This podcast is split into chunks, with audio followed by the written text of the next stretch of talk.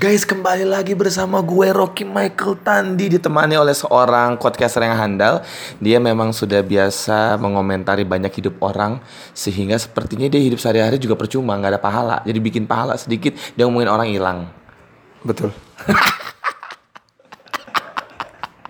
Dengan Bapak Aji Guntoro. Halo, selamat selamat apa nih? Ini yang dengernya malam, siang atau sore nih? Tergantung siapa yang dengar, Pak. Kalau Rama biasa kita bilangnya selamat subuh. Oke, selamat subuh untuk semua pendengar ini. Pendengar podcastnya namanya apa nih? Eh namanya em, Haluers. Halo, oke. Selamat malam semua haluers di dunia, dunia nyata, dunia gaib, dunia dunia maya. Perkenalkan nama saya Haji. Nah kalau kita lihat-lihat ini kan Bapak Aji ini baru saja lulus S2 kan Pak ya. Nah, se- se- sekarang ini sedang memasuki masa S3-nya ya PhD. Itu di universitas mana Bapak? Kebetulan saya kuliah di Undip. Ah. Itu universitas di Pamulang. Kalau di Pamulang universitasnya cuma satu deh Pak. Betul, betul. Cuma satu dan itu yang paling besar di Pamulang. Ya dan kita eh saat ini saya mengundang Bapak dengan tujuan memperoleh insight, pengertian yang luar biasa, tambahan wawasan yang luas sekali Bapak. Ya, eh, tentang dunia pendidikan Pak. Wah itu kalau nanya sama saya tentang pendidikan itu salah. Loh, saya dapat rekomendasi dari Bapak Dendi, Profesor, dia guru besar di UI, eh, jurusan organisasi. Oh iya iya, iya. saya saya kenal anak itu, saya kenal anak itu. Oke, Eh, kan kalau kita lihat se eh, kebelakangan ini apa ya, maksudnya marak banyak sekali institusi-institusi formal yang menggalakkan ah, lebih banyak praktek lah daripada teori. Nggak seperti zaman kita dulu kan, kita dituntut untuk ngafal, ngafal, ngafal, malah cenderung mempelajari apa yang tidak akan kita gunakan di tidak kita aplikasikan di eh, pekerjaan kita, ya kan? Nah, Mas Aji pernah inget nggak pelajaran atau topik yang diajarkan banget di sekolah dulu. Wow, pokoknya gurunya pokoknya gurunya heboh lah. Eh, metodenya keras, pokoknya kalau nggak ngerjain tugas dihukum. Terus kalau nggak hafal dikatain bodoh, bla bla bla bla. Eh, tapi ujung-ujungnya pas sudah terjun di dunia kerja itu tidak terpakai sama sekali. Ada nggak pengalaman seperti itu, Mas? Enggak ada. Oh iya, Bapak ini jurusan kejuruan ya. Semua dipelajari ya, dipakai semua. Nggak mungkin lah. Enggak enggak. Enggak aku bercanda. Jadi iya betul betul banget. Saya juga agak agak resah ya sama eh, apa itu namanya sistem pendidikan di Indonesia ini.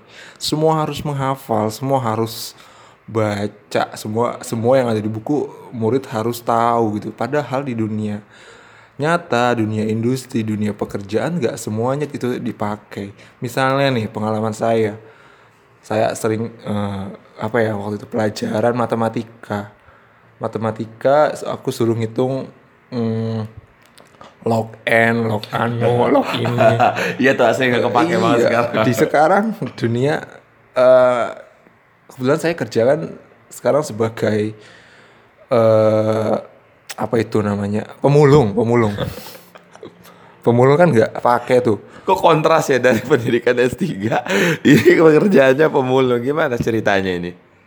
oh pemulung. Oh ya, oh ya kata kata apa namanya eksekutif produser kita eh, Pak Rama jangan ngelebar, jangan muter-muter. Jadi lebih eh, stick ke apa yang kita obrolin. Nah, lanjut. Eh, contoh kayak yang tadi yang matematika itu sama. Eh, aku juga ngerasain oke lah kalau menurut aku pribadi kalau mempelajari matematika seribet apa pun itu tentu ber- eh, berhubungan dengan logika kan? Harus eh, ini cari jalan keluarnya ini bla bla. Otak kita terlatih lah terlatih lah. Itulah jurusan itulah mengapa setauku jurusan apa pun sampai jenjang sekolah menengah atas itu entah itu SMK atau MTS eh, MTS ya? Ya itu pasti masih matematika wajib gitu. Tapi terkadang yang sulit untuk diterima akal yang budiman ini kalau mata pelajaran IPA fisika itu dipaksa harus sampai ya you know lah fisika seperti apa atau kimia Iya betul, fisika ya, fisika, kimia, aku waktu itu harus ngapal tabel periode. itu Which we're not going to use. itu apa? Aku sudah pernah pernah protes sama guruku bu ini di dunia nyata dunia pekerjaan dipakai untuk apa baru aku nanya kayak gitu disuruh keluar. Ya aku milih keluar lah. Terkadang iya betul eh, terkadang em, a- eh, fortunately ada momen kan I kerja sebagai seorang pengajar juga di satu institusi. Terkadang kalau zaman dulu sikap seperti itu dianggap kurang ajar. Kalau kita nyautnya eh, apa meresponnya itu bu ya nggak usah lah bu buat apa sih nggak kepake nggak kepake ini bu ntar aku tapi dianggapnya kurang ajar. Diomelin diusir dikasih nol dihukum. Maka dari itu sekarang yang eh, aku terapin sekarang ya kalau nggak terlalu dipakai amat ya nilainya juga nggak terlalu dipermasalahkan. Tapi kecuali matematika ya aku sangat walaupun I'm really weak at numbers cuma akuin memang matematika itu penting. Ya kan? Ya saya setuju. Tembak ke sebengok aku sih aku sih ada ada harapan ya ada cita-cita lah mengenai sistem pendidikan di Indonesia ini. Atau atau kalau memang belum belum pede yang efektif secara nasional bisalah dicoba dulu di kota-kota besar. Aku yang aku pengen tuh ya siswa belajar itu sesuai sama minat mereka. Coba sekolah dari awal diperkenalkan minat-minat yang Ini efeknya wah rumah di pinggiran memang seperti ini ya. Ada aja iklan ya, ada eh, apa namanya motor lewat, mobil lewat, tikus lewat, mantan lewat, semuanya kenangan lewat terus semuanya. Oke lanjut jadi harapan bapak ke depannya gimana Pak Tri? Iya tadi begitu saya lupa loh. ya eh, siswa siswa diajarkan sesuai min- minat mereka. Apa pun itulah ya dari, dari awal sekolah sudah memperkenalkan minat-minat minat apa yang eh, potensial di dunia kerja gitu. Potensial yang Ini bapak sepertinya berangkat dari rasa sakit hati waktu sekolah dulu ya. saya resah sekali pak. Saya resah gitu. Apa? apalagi anak bapak sekarang kan lagi eh, berkuliah juga ya pak. Eh lagi mengenyam, eh, mengecap, mengecap, menyam sih. mengenyam eh, bangku pendidikan di salah satu sekolah menengah kejuruan terbesar di seluruh alam semesta ini yang tidak usah disebutkan pokoknya 5 dan 7 lah ya Pak ya. Maka dari itu resah ya. Resah kebetulan itu bukan anak saya sih. Anak saya kebetulan sekarang ada di pendidikan usia dini. Oh. Betul. Oke. Nah, sekarang pertanyaannya, menurut Mas Aji sebagai seorang apa tuh namanya? Bukan pakar pendidikan, tapi apa namanya? Pengamat pendidikan. Ya harus pakar juga sih, harus ngerti juga. Ya udah whatever lah. Eh, pernah nggak sih di kantor Mas ini salah satu bukan salah satu, yang saya dengar adalah apa namanya? Apa terbesar? Eh, tempat belanja terbesar istilahnya. Supermarket. Eh, the bukan. Eh, apa namanya? Lalala dia sebagai apa terbesar di Indonesia? Oh, kantorku. Iya. Oh, sebagai kantor dengan gedung terbesar di Bukan dong. Bukan itu maksud. itu istilahnya yang tempat belanja-belanja gitu. marketplace. E-commerce terbesar. Ih, e-commerce terbesar. Tuh untung produser kita bantuin. Nah, di tempat eh di perusahaan tempat Bapak ini bekerja pernah nggak kejadian oke eh, secara tertulis sih ijazahnya nilai-nilainya itu bagus bla bla bla luar biasa A bahkan IP-nya itu bisa 4,500 gitu kan tetapi saat diwawancara itu pihak perusahaan tidak tertarik ada nggak kejadian kayak gitu Bukan ada, tapi sering. Sering, Mas. Aku sering wawancara orang yang dari CV, latar belakang pendidikan, list nilainya juga bagus. Kita pede ngundang dia untuk eh, interview. Kita wawancara, tapi ya balik lagi has yang kita terima, yang kita hadapi ternyata ya dasar-dasar aja yang yang dia tahu bahkan eh, kebutuhan industri dia tidak paham hanya memanfa- memanfaatkan hasil dari dia belajar padahal menurutku dari kampus atau sekolah itu presentasinya cuma kurang dari 10% sisanya kita harus cari sendiri di luar di luar mulai dari internet buku pengalaman orang ya nggak hanya semerta memanfaatkan ilmu yang ada di eh, sekolah atau kampus sih jadi ya kalau mau survive mau mau lebih dari yang lain harus belajar lebih sih mas Sekarang ini ya berarti memang kenyataannya sekolah masih banyak yang menekankan pada teori. Sekolah-sekolah konvensional ya. Ya betul. Oh iya by the way kan karena memang kita berdua ini lulusan sekolah kejuruan. Maka dari itu concernnya lumayan eh, erat lah ya. Maksudnya lumayan kencang gitu. Karena banyak yang lulusan SMK saja bahkan praktek masih kurang. Nah gimana dengan sekolah menengah atas? SMP atau sekolah menengah atas yang memang bukan kejuruan berarti katanya tidak banyak praktek. Tetap harus banyak praktek nggak sih Pak?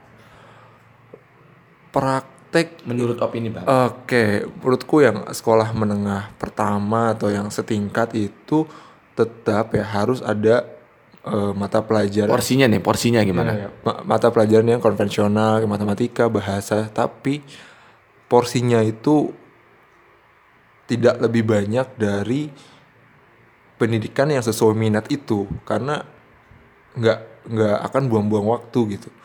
Siswa akan belajar sesuai minat dia, apa yang dia suka. Dia kalau kita suka kan kita akan bisa lebih explore lagi, lebih bergairah untuk belajar seperti itu. Jadi efeknya ketika dia lulus, dia sudah tahu mau pergi ke mana, mau mungkin mau ngelamar di perusahaan apa, Mau ngelamar gadis tetangga? Betul sekali. Ya tujuannya sih itu biar dia begitu lulus atau dia masuk ke tingkat selanjutnya dia sudah tahu apa yang harus dia lakukan ke depannya. Seperti itu.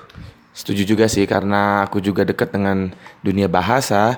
Yang aku lihat rekan-rekanku pengajar bahasa itu di sekolah lain, sekolah konvensional lain memang contohnya eh, jenis-jenis teks ini itu, oh ciri-cirinya ini bla bla bla bla. Lebih menekankan eh, apa namanya? eh, hafalan itu harusnya lebih banyak prakteknya nulisnya ya kan? Apalagi kita lihat seperti Mas Aji tadi eh, se- sempat sebutkan bergantung pada kebutuhan. Tentu anak setelah lulus SMA ada yang lanjut kuliah ada yang mungkin bantu orang tuanya yang ekonominya lemah itu kerja. Otomatis harus diajarkan eh, penulisan dokumen-dokumen yang dibutuhkan nanti. Contohnya eh, surat lamaran kerja, lalu CV, lalu gimana caranya itu ngumpulin sertifikat-sertifikat yang bisa menunjang dia diterima kerja nanti, cara bikin portfolio ya kan?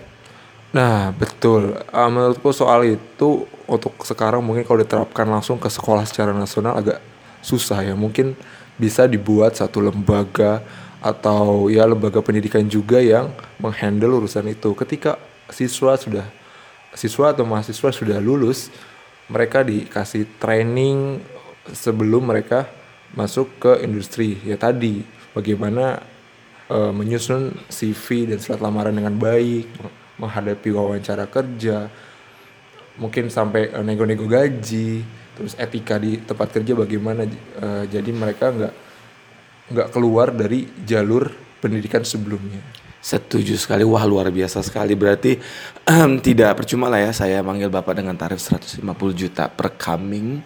Itu mendapatkan insight pemahaman sangat luar biasa sekali saudara-saudara yang terkasih dalam nama Aji eh, Guntoro. Iya, terima kasih atas kesempatan yang saya eh, yang diberikan kepada saya. Way, itu 150 juta benar ya? Tentu tidak kalau gitu mah Aigot udah udah beli ini itu dengan cepat. Cuma kita menghargai proses. Bagiannya kayaknya harus diedit ya. Terima kasih. Oke, eh, haloers.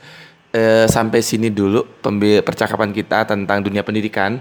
Semoga apa yang kita berdua lelaki tampan dan luar biasa ini tapi belum laku eh, katakan bisa menjadi apa bahan pertimbangan rekan-rekan sesama pengajar untuk lebih mengajarkan apa yang akan murid-murid siswa-siswa baik itu level SMA maupun kuliah perlukan nanti ya kan Betul sekali.